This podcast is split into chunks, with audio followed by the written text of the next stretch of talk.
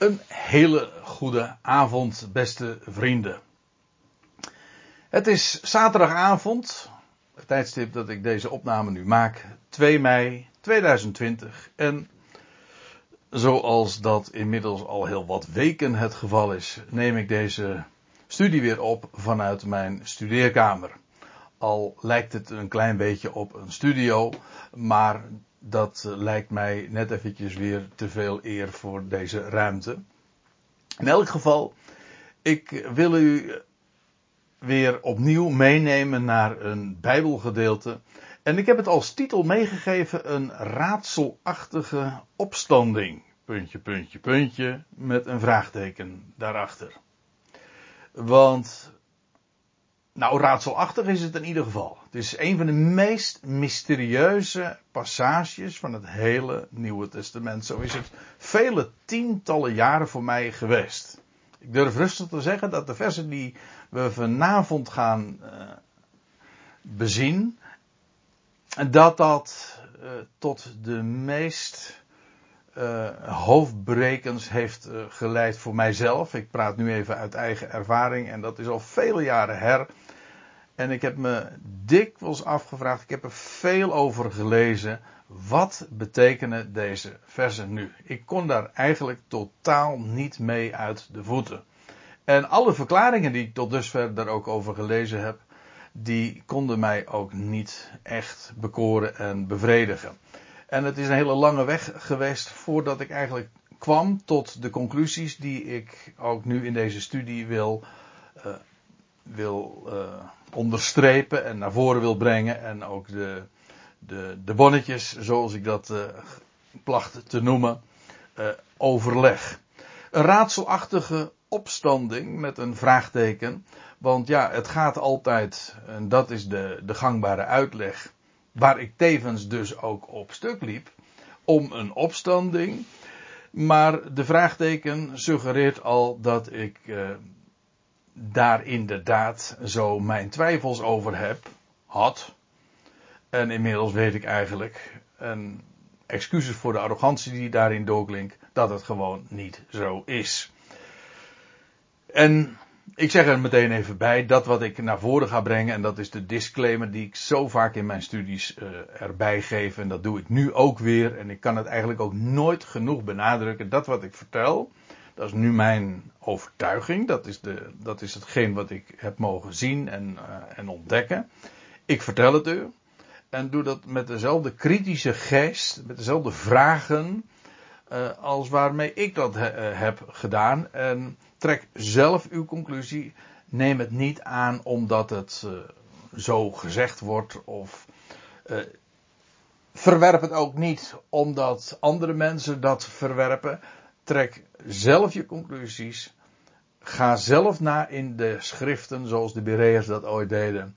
Of deze dingen zo zijn. Nou, dat wil ik heel graag benadrukken omdat ik uh, wat ik nu in deze studie naar voren breng, dat is afwijkend van wat, wat je altijd daarover gehoord of gelezen hebt. Dat is een waarschuwing die ik gerust uh, zo kan geven. En daar, zal, daar is ook weinig tegen in te brengen, lijkt mij. Laat ik eerst eens dat gedeelte voorlezen waar ik het over heb. Het zijn maar een paar versen eigenlijk waar we het over hebben. En dat zijn de versen die gaan over het sterven van de Heer Jezus en wat er bij die gelegenheid plaatsvond. Nou, ik lees het voor uit de NBG-vertaling. Ik had het ook kunnen lezen uit de Statenvertaling. Maar de NBG 51-vertaling, dat is de vertaling die ik eigenlijk uh, heel dikwijls gebruik. Uh, als het gaat om uh, bijbellezingen en bijbelstudies. En dan is het vaak zo dat daar uh, zo het een en ander aantekeningen bij gemaakt moeten worden. Maar laat ik het even voorlezen. In Matthäus 27 staat er dan dit in vers 51. En zie, het voorhangsel van de tempel scheurde van boven tot beneden in tweeën. En de aarde beefde en de rotsen scheurden. En nou komt het. En de graven gingen open en vele lichamen der ontslapen heiligen werden opgewekt. En zij gingen uit de graven na zijn opstanding en kwamen in de heilige stad waar zij aan velen verschenen. Nou, dit zijn die versen waar ik dus zo enorm veel hoofdbrekens over heb gehad. En waar ik eigenlijk totaal niet mee uit de voeten kon komen. Want, nou laat ik eens een aantal vragen zo op een rijtje zetten die je de aanleiding van deze lezing zo kunt stellen. Prangende vragen. Ja, dat zijn het echt. En de eerste is deze. Waarom wordt deze opstanding van velen, want immers er wordt gesproken over vele lichamen der ontslapen heiligen. Waarom wordt deze opstanding van velen door geen van de andere evangelisten verhaald? Want ik lees nu voor uit Matthäus 27. Maar in Marcus, in Lucas en in Johannes ontbreekt het. En dat is eigenaardig, mag ik toch wel zeggen. Omdat als er zoveel opstonden bij die gelegenheid, dan moet dat toch een enorm impact hebben gehad. En waarom wordt dat in de andere evangeliën uh, dan niet verhaald? Ik weet, je moet oppassen met dat argument, want uh, je, je bewijst iets uit, uit, of je leidt iets af uit iets wat er niet staat, dat geef ik toe. Maar de andere kant is dat het dan toch in elk geval bevreemding opwerpt, wekt, dat zo'n gebeurtenis, dan toch niet door de andere beschrijvers van de geschiedenissen wordt verhaald. Of zelfs maar aan wordt, uh, naar wordt gehind. Een andere vraag die daar direct mee samenhangt, neem ik kwalijk, wordt, uh, en dat is deze, waarom wordt ook elders in het Nieuwe Testament, dus niet alleen maar in de evangeliebeschrijvingen, maar ook in de brieven, nergens gerefereerd aan een van deze opgestane hij, uh, overledenen.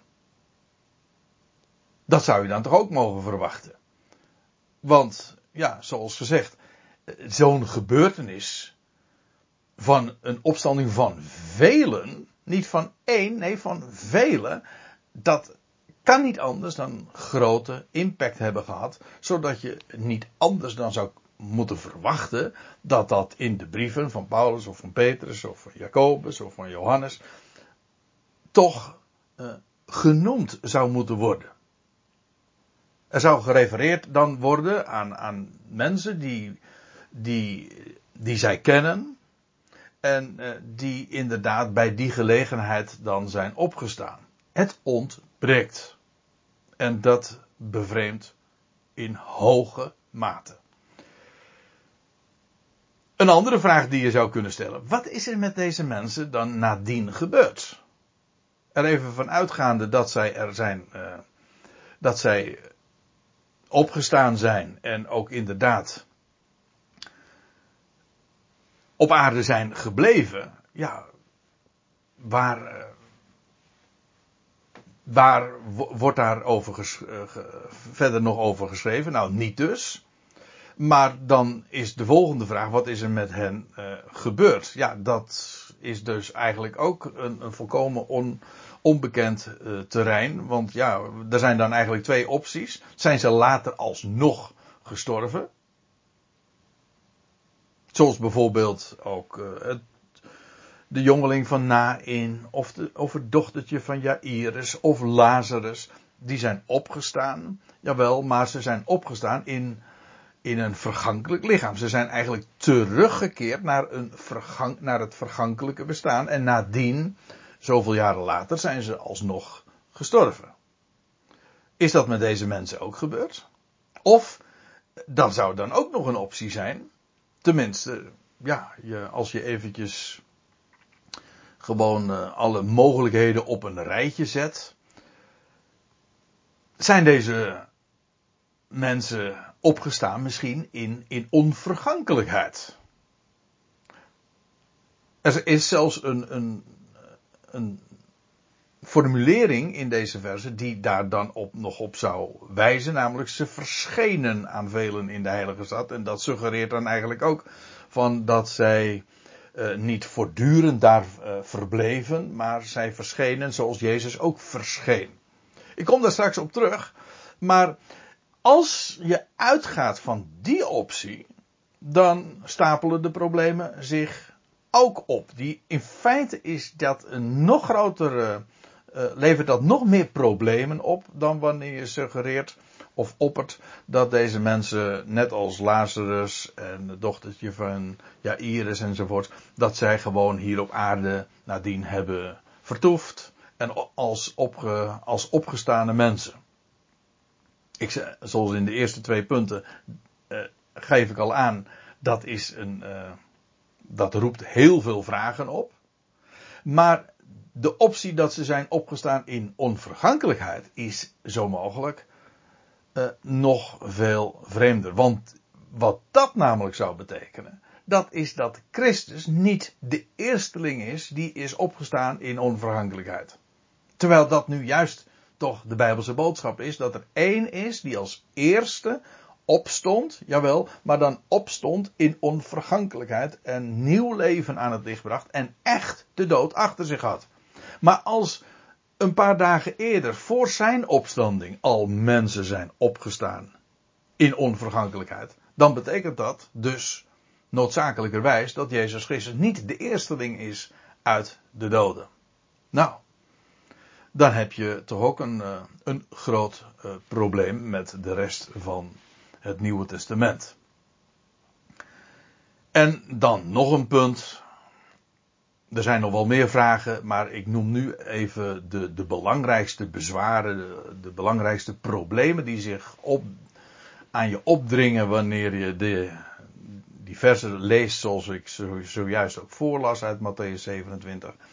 Uh, een hele merkwaardige gang van zaken. Waarom werden deze ontslapen heiligen bij Jezus sterven? Bij, nee, ik moet het anders uh, zeggen. Waarom werden deze ontslapen heiligen bij Jezus sterven opgewekt? Terwijl ze pas drie dagen later, bij zijn opwekking, uit de graven gingen. Dat is een hele, ik moet haar zeggen, bizarre gedachte. Dat zij dus in de graven hebben gelegen. Terwijl ze al waren opgestaan, opgewekt. En vervolgens, pas na zijn opwekking, uit de graven gingen. Ziet u dat als je daar eventjes over doordenkt, dat uh, uh, het vraagstuk eigenlijk alleen maar groter wordt en ja, wat, wat moeten we met deze versen aan? Dat is de grote vraag. En eigenlijk, uh, ja, daar moet je nog een aantal andere dingen aan vastknopen. En we moeten het gewoon op een andere wijze benaderen. Maar laat ik in de eerste plaats even dit vaststellen. Deze versen,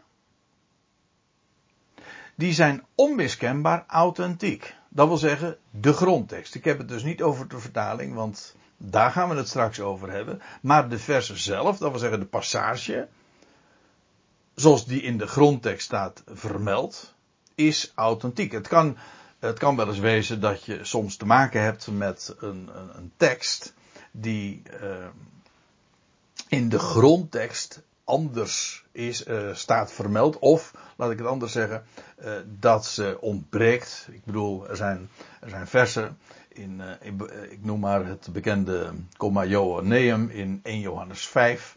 Ja, dat levert ook heel veel problemen op. Maar de oplossing daarvoor voor dat probleem is heel simpel. Het staat domweg niet in, in de oorspronkelijke Bijbel, niet in de grondtekst. Het is later toegevoegd. Maar die oplossing, dat zou eigenlijk ook heel welkom zijn. Uh, namelijk dat je zegt van ja, het staat wel in de vertaling, maar in de grondtekst ontbreken die versen. Ja, dan ben je ook van het probleem af. Maar dat gaat in dit geval absoluut niet op, omdat in alle grote handschriften deze passage terug te vinden is. Dus tekstkritisch, zoals dat dan heet, is het volstrekt onomstreden. Het is authentiek. Het staat dus gewoon in het Nieuwe Testament. En dan stel ik gewoon vast, uh, het staat in de schrift. En aangezien de schrift niet gebroken kan worden, het is, het is het woord dat God zelf geïnspireerd heeft, heeft laten vastleggen en optekenen. Het staat dus niet voor niks in de Bijbel. Het moet een betekenis hebben. Maar, ja, in welke richting dan? Nou, en wat ik nu in deze Bijbelstudie wil laten zien, is dat er een andere lezing, gelukkig, godzijdank, mogelijk is, waarin de zojuist genoemde ongerijmdheden compleet verdwijnen. Dat moet ik nog aantonen, maar dat is wat ik eigenlijk nu in deze studie wil laten zien. Er is een heel andere lezing mogelijk. En de vragen en de, de grote problemen die uh, verdwijnen op het, op het moment dat je dat de vertaling een ander is. Nou, laat ik, uh, laat ik eens uh, naar Matthäus 27 toe gaan en ook de grondtekst erbij betrekken. Nou, en dan begin ik even te lezen bij vers 50. Daar staat dit. Jezus nu schreeuwde wederom met luide stem en hij liet de geest. Je ziet daar onderin, zoals u dat eh, ook wel van mij gewend bent, eh, de interlineair, dat wil zeggen de Griekse tekst daar eh, boven, bovenin. De wijze waarop dat is overgeleverd, zoals het in de grondtekst staat, zoals we dat dan noemen. En dan een woord voor woord weergave, de groene lijn, die tweede, de tweede regel, is de meest letterlijke weergave. En daaronder dan in, in licht grijs, dat is de wijze waarop de NBG 51 vertaling dat heeft weergegeven. Dus je moet vooral op die groene tekst letten, want dat, is, uh, dat komt het dichtst bij de grondtekst. Uh, Jezus schreeuwde wederom met luide stem en hij liet de geest. Dit is dus de, het vers wat beschrijft dat Jezus sterft. En dat deed hij met een schreeuw. En dat is een, uh, een kwestie waar ik trouwens nog niet zo lang geleden ook aandacht voor heb gevraagd.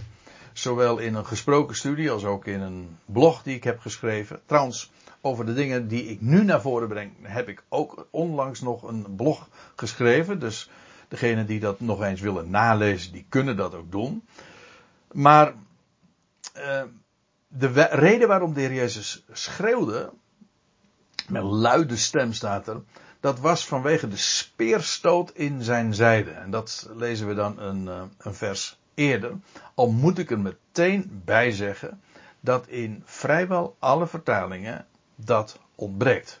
Ik gaf u zojuist een voorbeeld van dingen die er in uh, de vertalingen bijgevoegd staan, terwijl ze in de grondtekst niet staan. Nu noem ik een voorbeeld. Het is een hele kwalijke zaak als het mij vraagt.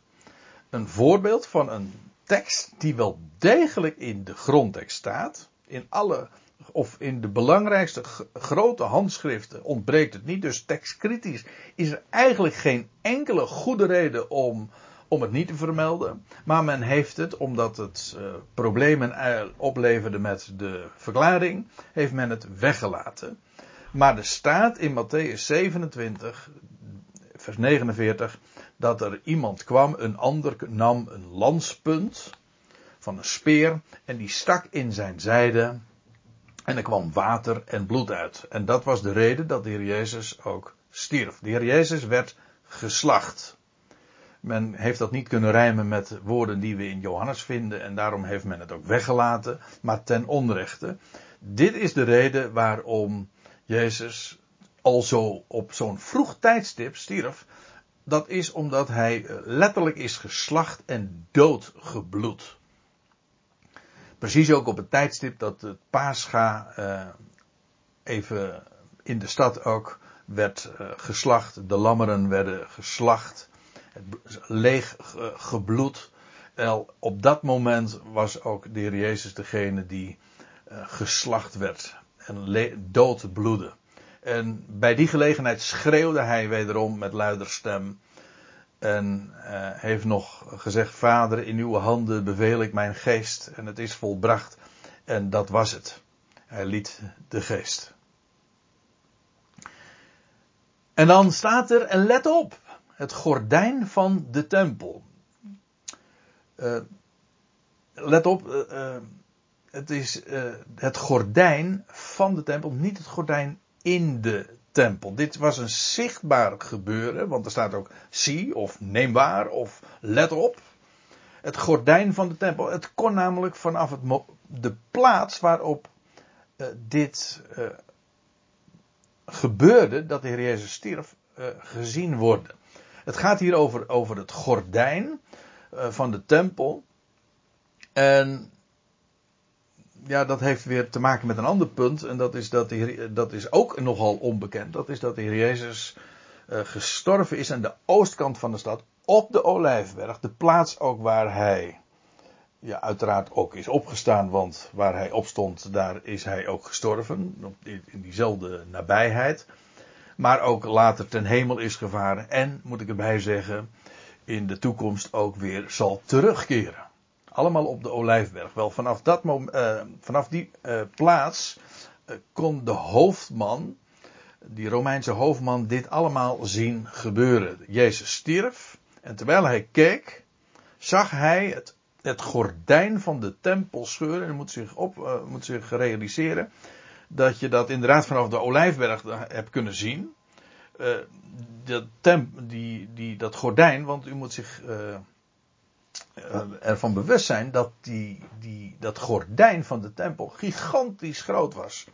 Volgens Flavius Josephus had het een, een hoogte van ongeveer 24 meter.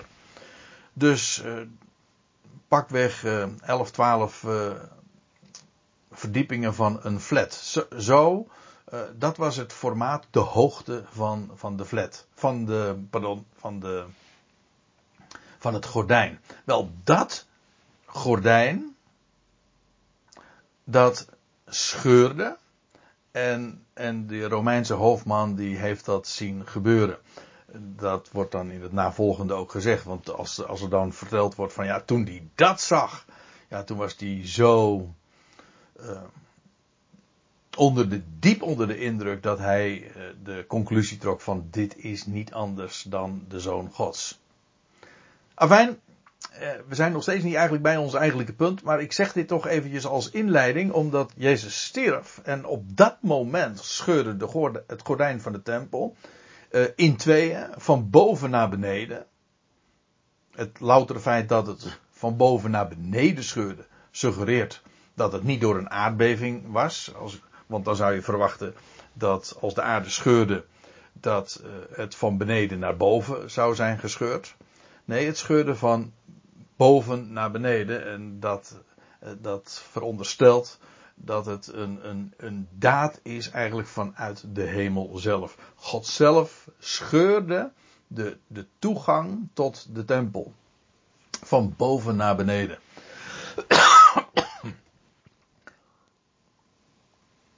Excuus. En terwijl dat gebeurde, gebeurde er nog iets en de aarde beefde. Ook dat. Ik denk dat dus het, die aardbeving niet de reden was van het scheuren van de tempel, van dat tempelgordijn. Maar niettemin, de aarde beefde, en er staat er nog bij, en de rotsen werden gespleten. Die twee hebben natuurlijk met elkaar te maken, omdat de aarde beefde, uh, splitste of spleten ook de rotsen. En dan nog iets, de graftomben werden geopend.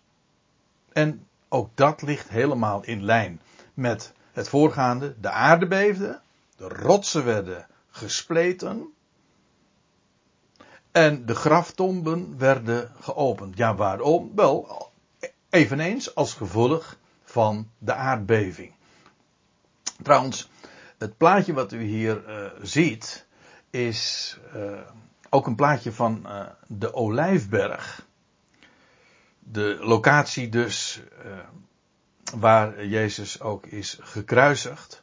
En daar bevinden zich vele graven, ook vandaag nog steeds, vele, vele graven. Dat heeft te maken met het gegeven dat vele Joden, gelovige Joden, orthodoxe Joden, die zijn, die geven er de voorkeur aan om daar begraven te worden. Want is het niet zo dat als de Messias terug zal keren, dat zijn voeten zullen staan op de Olijfberg? En uh, het idee is dan, dan zijn zij meteen ter plekke en dan zullen zij daar ook bij zijn. Dat heeft daarmee te maken. In ieder geval, graftomben zijn daar plenty. Dat zijn dus maar niet mensen die in een, onder de grond liggen, maar dat zijn echt tomben, graven die, die daar op de berg in, in een grote hoeveelheid allemaal zich bevinden. En die graftomben werden ook geopend, zoals dus rotsen spleten, zo opende zich de graftomben allemaal als gevolg van de aardbeving. Nou, en nou komen we bij het belangrijke punt. En we lezen gewoon even verder, gewoon zinsdeel voor zinsdeel. De graftomben werden geopend. En vele lichamen van de ontslapen heiligen werden overeind gehaald. Eerst even dit. Vele lichamen van de ontslapen heiligen. Dit is opvallend.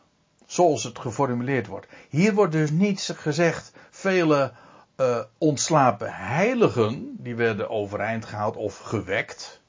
Nee, niet die ontslapen heiligen. Nee, vele lichamen van hen. Het is een fysiek gebeuren. Niet die ontslapen heiligen zijn hier zozeer het onderwerp, maar hun lichamen, wat daarmee plaatsvond. En ik zie dit nog steeds in dezelfde lijn. Want gaan, we gaan nu even verder. En vele lichamen van de ontslapen heiligen werden overeind gehaald. En dit is een heel belangrijk punt. Want dit wijkt natuurlijk af van de vertaling die we altijd uh, hier treffen, namelijk ze werden gewekt. Nou moet ik er meteen bij zeggen, dat zou op zich een prima weergave zijn. Want het woord voor opwekken of opgewekt worden, dat is inderdaad identiek aan uh, met wat we hier uh, aantreffen. Maar, nou moet ik er even een paar dingen bij zeggen. Want en ik neem u even mee naar uh, de studiebijbel. Dat is een, een gerenommeerd werk waarin we ook een, een woordenboek aantreffen. En waarin diep ingegaan wordt op de, de eigenlijke betekenissen van, van de woorden. En die zegt over dat woordje egairo. Het Griekse woord wat hier dus uh, wordt gebruikt. Dat werkwoord. Het werkwoord egairo betekent opwekken, doen opstaan, overeind halen en in de mediale en passieve vormen uh, opgewekt worden, opgestaan of uh, opstaan en overeind gehaald worden. Overeind komen. En ik heb expres eventjes dat wat vetter gedrukt, dat overeind gehaald worden. Het, is, idee is dus niet alleen maar van opgewekt worden, ook dat, maar ook van opstaan. Het wordt bijvoorbeeld ook heel dikwijls gebruikt in verband met uh, opstaan. Uh, iemand, je leest in verband met die, die gelijkenis van die wijze en dwaze maagden. Die, die sliepen in en ze werden weer gewekt. Hè? En van Jozef uh, lezen we, die had een droom en die werd ook weer gewekt. Maar dan werd Jozef gewekt. Uh, in dit geval gaat het niet over de ontslapen heiligen, maar over hun lichamen. En juist dat brengt ons bij uh, de betekenis van overeind gehaald worden. Let even trouwens nog op, op de zin die er nog aan toegevoegd wordt door in de studiebijbel. In het algemeen heeft Eigairo te maken met overeind halen. En aangezien het hier over de passieve vorm gaat, is het dus overeind gehaald worden. Overeind halen uit een lagere of een laag bij de grondse houding. Zodat uh, de vertaling die ik hier lever volstrekt uh, normaal en uh, terecht is. Uh, dan is het idee dus, de graftomben die werden geopend en vele lichamen van de ontslapen heiligen werden overeind gehaald. Hier worden geen ontslapen heiligen gewekt. Nee, hun lichamen die werden overeind gehaald. Hoezo dan? Wel, vanwege de openbrekende graven. Er was een aardbeving, rotsen scheurden open, graven braken open en vandaar dat vele lichamen van die ontslapen heiligen die daar uh, zich bevonden, die werden daardoor ook uh, overeind gehaald. Uh, het was een verstoring ook van de grafrust, zeg maar. Ze kwamen overeind vanwege die graftomben die werden geopend. Zodat de weergave overeind gaat, dus volstrekt correct en acceptabel en legitiem is. Dus dan is er hier helemaal geen sprake van een opstanding van ontslapen heiligen. Nee, lichamen die overeind gehaald worden vanwege de opengebroken uh, graftomben. En staat er, ze kwamen uit de graftomben. Ook dat is dan geheel in lijn, want, dan, want we hadden het over het feit dat die graven die openbraken, die lichamen die worden overeind gehaald, die komen in beweging en worden overeind gehaald. En omdat die graven openbraken, kwamen ze ook uh, buiten die graftomben te liggen. Dus het is een, een, een reeks van gebeurtenissen die allemaal verband houden met het eerste wat genoemd was, namelijk er was sprake van een aardbeving en van open scheurende of scheurende rotsen en openbrekende graven. Van, en vandaar dat die lichamen er ook uitkwamen. Ze kwamen uit de graftomben. En nu komen we uh, bij de rest van vers 53 en dat levert ook nog wat uh, problemen op. Maar laten we ook dat gewoon zinsdeel voor zinsdeel eens bekijken. Na zijn opwekking en als u dit nou meeleest in uw eigen vertaling, dan valt hier op dat dit een andere interpunctie is, zoals dat met een mooi woord heet. Interpunctie heeft te maken met, uh, met, met leestekens, met hoofdletters, nieuwe, met de zinsindeling. Uh, zet je een punt of zet je een komma. En uh, kijk, de meeste vertalingen die zeggen, zij kwamen uit de graftombe na zijn opwekking. Nou, en dat levert dus die, die gekke lezing op, dat die mensen zoals dat dan gelezen wordt, zoals ik dat in het begin ook voorlas uit, uh, uit de MBG-vertaling, dat die, deze opgestane heiligen, die zouden zijn opgewekt, maar na zijn opwekking, nou, en zijn verwijst hij naar Jezus Christus opwekking, na zijn opwekking zouden ze uit de graaf, zijn gekomen. Wat dus de merkwaardige gang van zaken, laat ik het dan maar zo zeggen, uh, oplevert dat zij dus uh, gedurende een aantal dagen levend in hun graf hebben gelegen en daar gebleven zijn. Daar moet je toch ook niet aan denken. ik vind het ook een hele merkwaardige lezing. En u ziet het, als je de punt anders zet, als je de interpunctie verandert, krijg je een heel ander verhaal. Dan krijg je dus, ik lees het nog een keertje, de graftomben werden geopend, vele lichamen van de ontslapen heiligen werden overeind gehaald en ze kwamen uit die graftomben. Punt. Na zijn opwekking.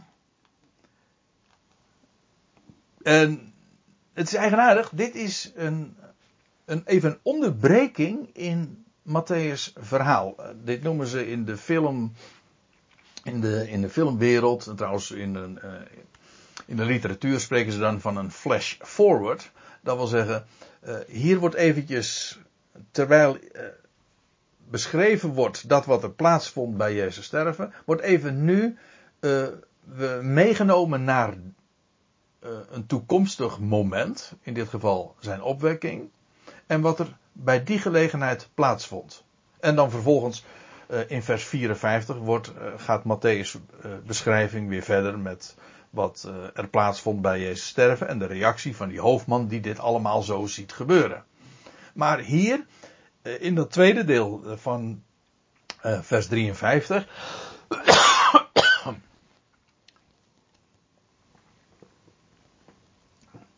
U hoort het. Ik moet nog eens hoesten. Maar denk daar niks ernstigs van. Want uh, ik doe dat uh, nog wel eens uh, vaker. En u zou dat mijn huisgenoten moeten vragen, die, die weten daar alles van. Dus dat eventjes terzijde. In ieder geval, even ter zake dan. na zijn opwekking, en wat er nu gaat volgen, dat is een verwijzing naar wat een paar dagen later waargenomen zou worden, opgemerkt zou worden. uh, Matthäus beschrijft uh, nu in deze zin de gebeurtenissen rond Jezus sterven, maar, uh, of dat, dat deed hij, maar wijdt nu even uit over wanneer de open graven zichtbaar werden. Dus hij beschrijft eerst wat er plaatsvond bij Jezus sterven, namelijk die opengebroken graven en de lichamen die daar buiten kwamen te liggen. En nu even in een tussenzin vermeldt hij wanneer dat vervolgens werd opgemerkt. Want dan staat er, na zijn opwekking kwam men in de heilige stad en ze werden kenbaar gemaakt aan velen. Nou, als je dit zo leest, dan verdwijnen eigenlijk alle vragen die, die je over dit gedeelte zou kunnen hebben. De grote prangende vragen, onoplosbaar, uh, heel problematisch, die verdwijnen in één keer. Want ik wil dat graag uh, toelichten. Want ik ben eerlijk gezegd heel erg enthousiast over, over de ontdekkingen die ik heb mogen doen. Uh, het heeft mij nou, ik zal niet zeggen slapeloze nachten opgeleverd. Maar ik heb er wel heel erg mee geworsteld. Hoe kan dit zo staan? Het is toch zo bizar, zo, zo uh, strijdig met wat we elders in het Nieuwe Testament uh, aantreffen. Het is, het is niet harmonieus, het klopt niet. Het, dus het moet in een andere richting gezocht worden. En ik ben zo blij dat ik dat inmiddels uh, heb gevonden. Ik vind dit zo'n een, een, redelijke uitleg. Maar eerst nog eventjes wil ik dat graag ook nog wat, uh, wat dit vers betreft wat laten zien. Na zijn opwekking kwam men in de heilige, kwam men in de heilige stad en zij werden kenbaar gemaakt aan velen. Dat is een wat lastige zin. En ik wil dat graag even laten zien. Het gaat hier over twee groepen. Aan de ene kant heb je, is er sprake van de velen, aan het eind. Zij werden kenbaar gemaakt aan velen. Dat zijn dezelfde als degene die, eh, die men, men kwam in de heilige stad. Dat zijn dus de bezoekers van de stad. Na, de, na zijn opwekking, dus na de Sabbat ook. Want dan moet ik er nog iets bij zeggen. Waarom werd dit pas allemaal zichtbaar na Jezus Christus opwekking? Nou, dat is niet zo moeilijk. Want Jezus werd uh, gekruisigd op de dag van het Pascha. Daarna brak uh, het feest aan, uh, het, het Pesachfeest, de 15e Nisan. Uh, pal daarop had je de, de wekelijkse sabbatten, dus er waren eigenlijk twee rustdagen achtereen. En maakte men dus ook geen reizen. men legde slechts een kleine afstand af van hooguit een kilometer meer niet. Maar men bezocht dus niet de ene stad. Uh, uh, of men ging geen, geen grote reizen maken. Uh, en dat is hier ook zo. Gedurende die dagen dat Jezus in het graf lag, werd er niet gereisd, want dat waren rustdagen. Maar dan vervolgens na de Sabbat, als het gewone leven weer aanvangt, hoewel het in feite nog steeds het Pesachfeest was, maar in ieder geval het waren geen dagen meer, geen rustdagen meer, geen Sabbatsdagen meer. Toen ging men ook weer reizen, dus vandaar na zijn opwekking kwam men in de heilige stad. Dat wil zeggen, toen was, werd er, vond er uh, weer bezoek uh, plaats van buiten de stad aan, uh, aan de stad, maar ook vooral wellicht aan degenen die naar de tempel gingen. Wel, men kwam in de heilige stad en uh, aan hen werd kenbaar gemaakt. Dat is de ene groep. En de tweede groep is, dat zijn zij die kenbaar gemaakt werden. En wie zijn dat? Dat zijn de lichamen van die ontslapen heiligen. Die buiten de graftombe lagen. Dus je, wat hier staat is, eh, ze kwamen uit de graftombe en dan na zijn opwekking, een paar dagen later, na de sabbatten, kwam men in de heilige stad, de bezoekers die de heilige stad uh, uh, gingen bezoeken, en aan hen, pardon, vervolgens werden degene, de, de lichamen van die ontslapen heiligen werden kenbaar gemaakt, wel aan velen van die bezoekers.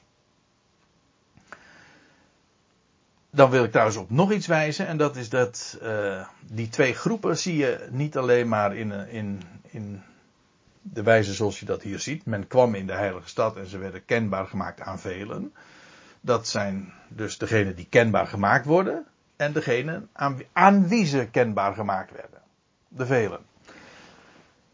Je ziet het trouwens ook in de wijze van de, waarop die werkwoordsvormen gebruikt worden. Want men kwam, dat is een actief werkwoordsvorm. Komen. Dat is iets wat je actief doet. Maar dat tweede, zij werden kenbaar gemaakt, dat is een passieve werkwoordsvorm. Degene die de stad bezoeken, ja, die, dat is een activiteit. Maar dat die lichamen kenbaar gemaakt werden, ja, dat is passief. Zij, uh, zij deden daar niks van. Ik, dan wil ik trouwens nog iets opwijzen.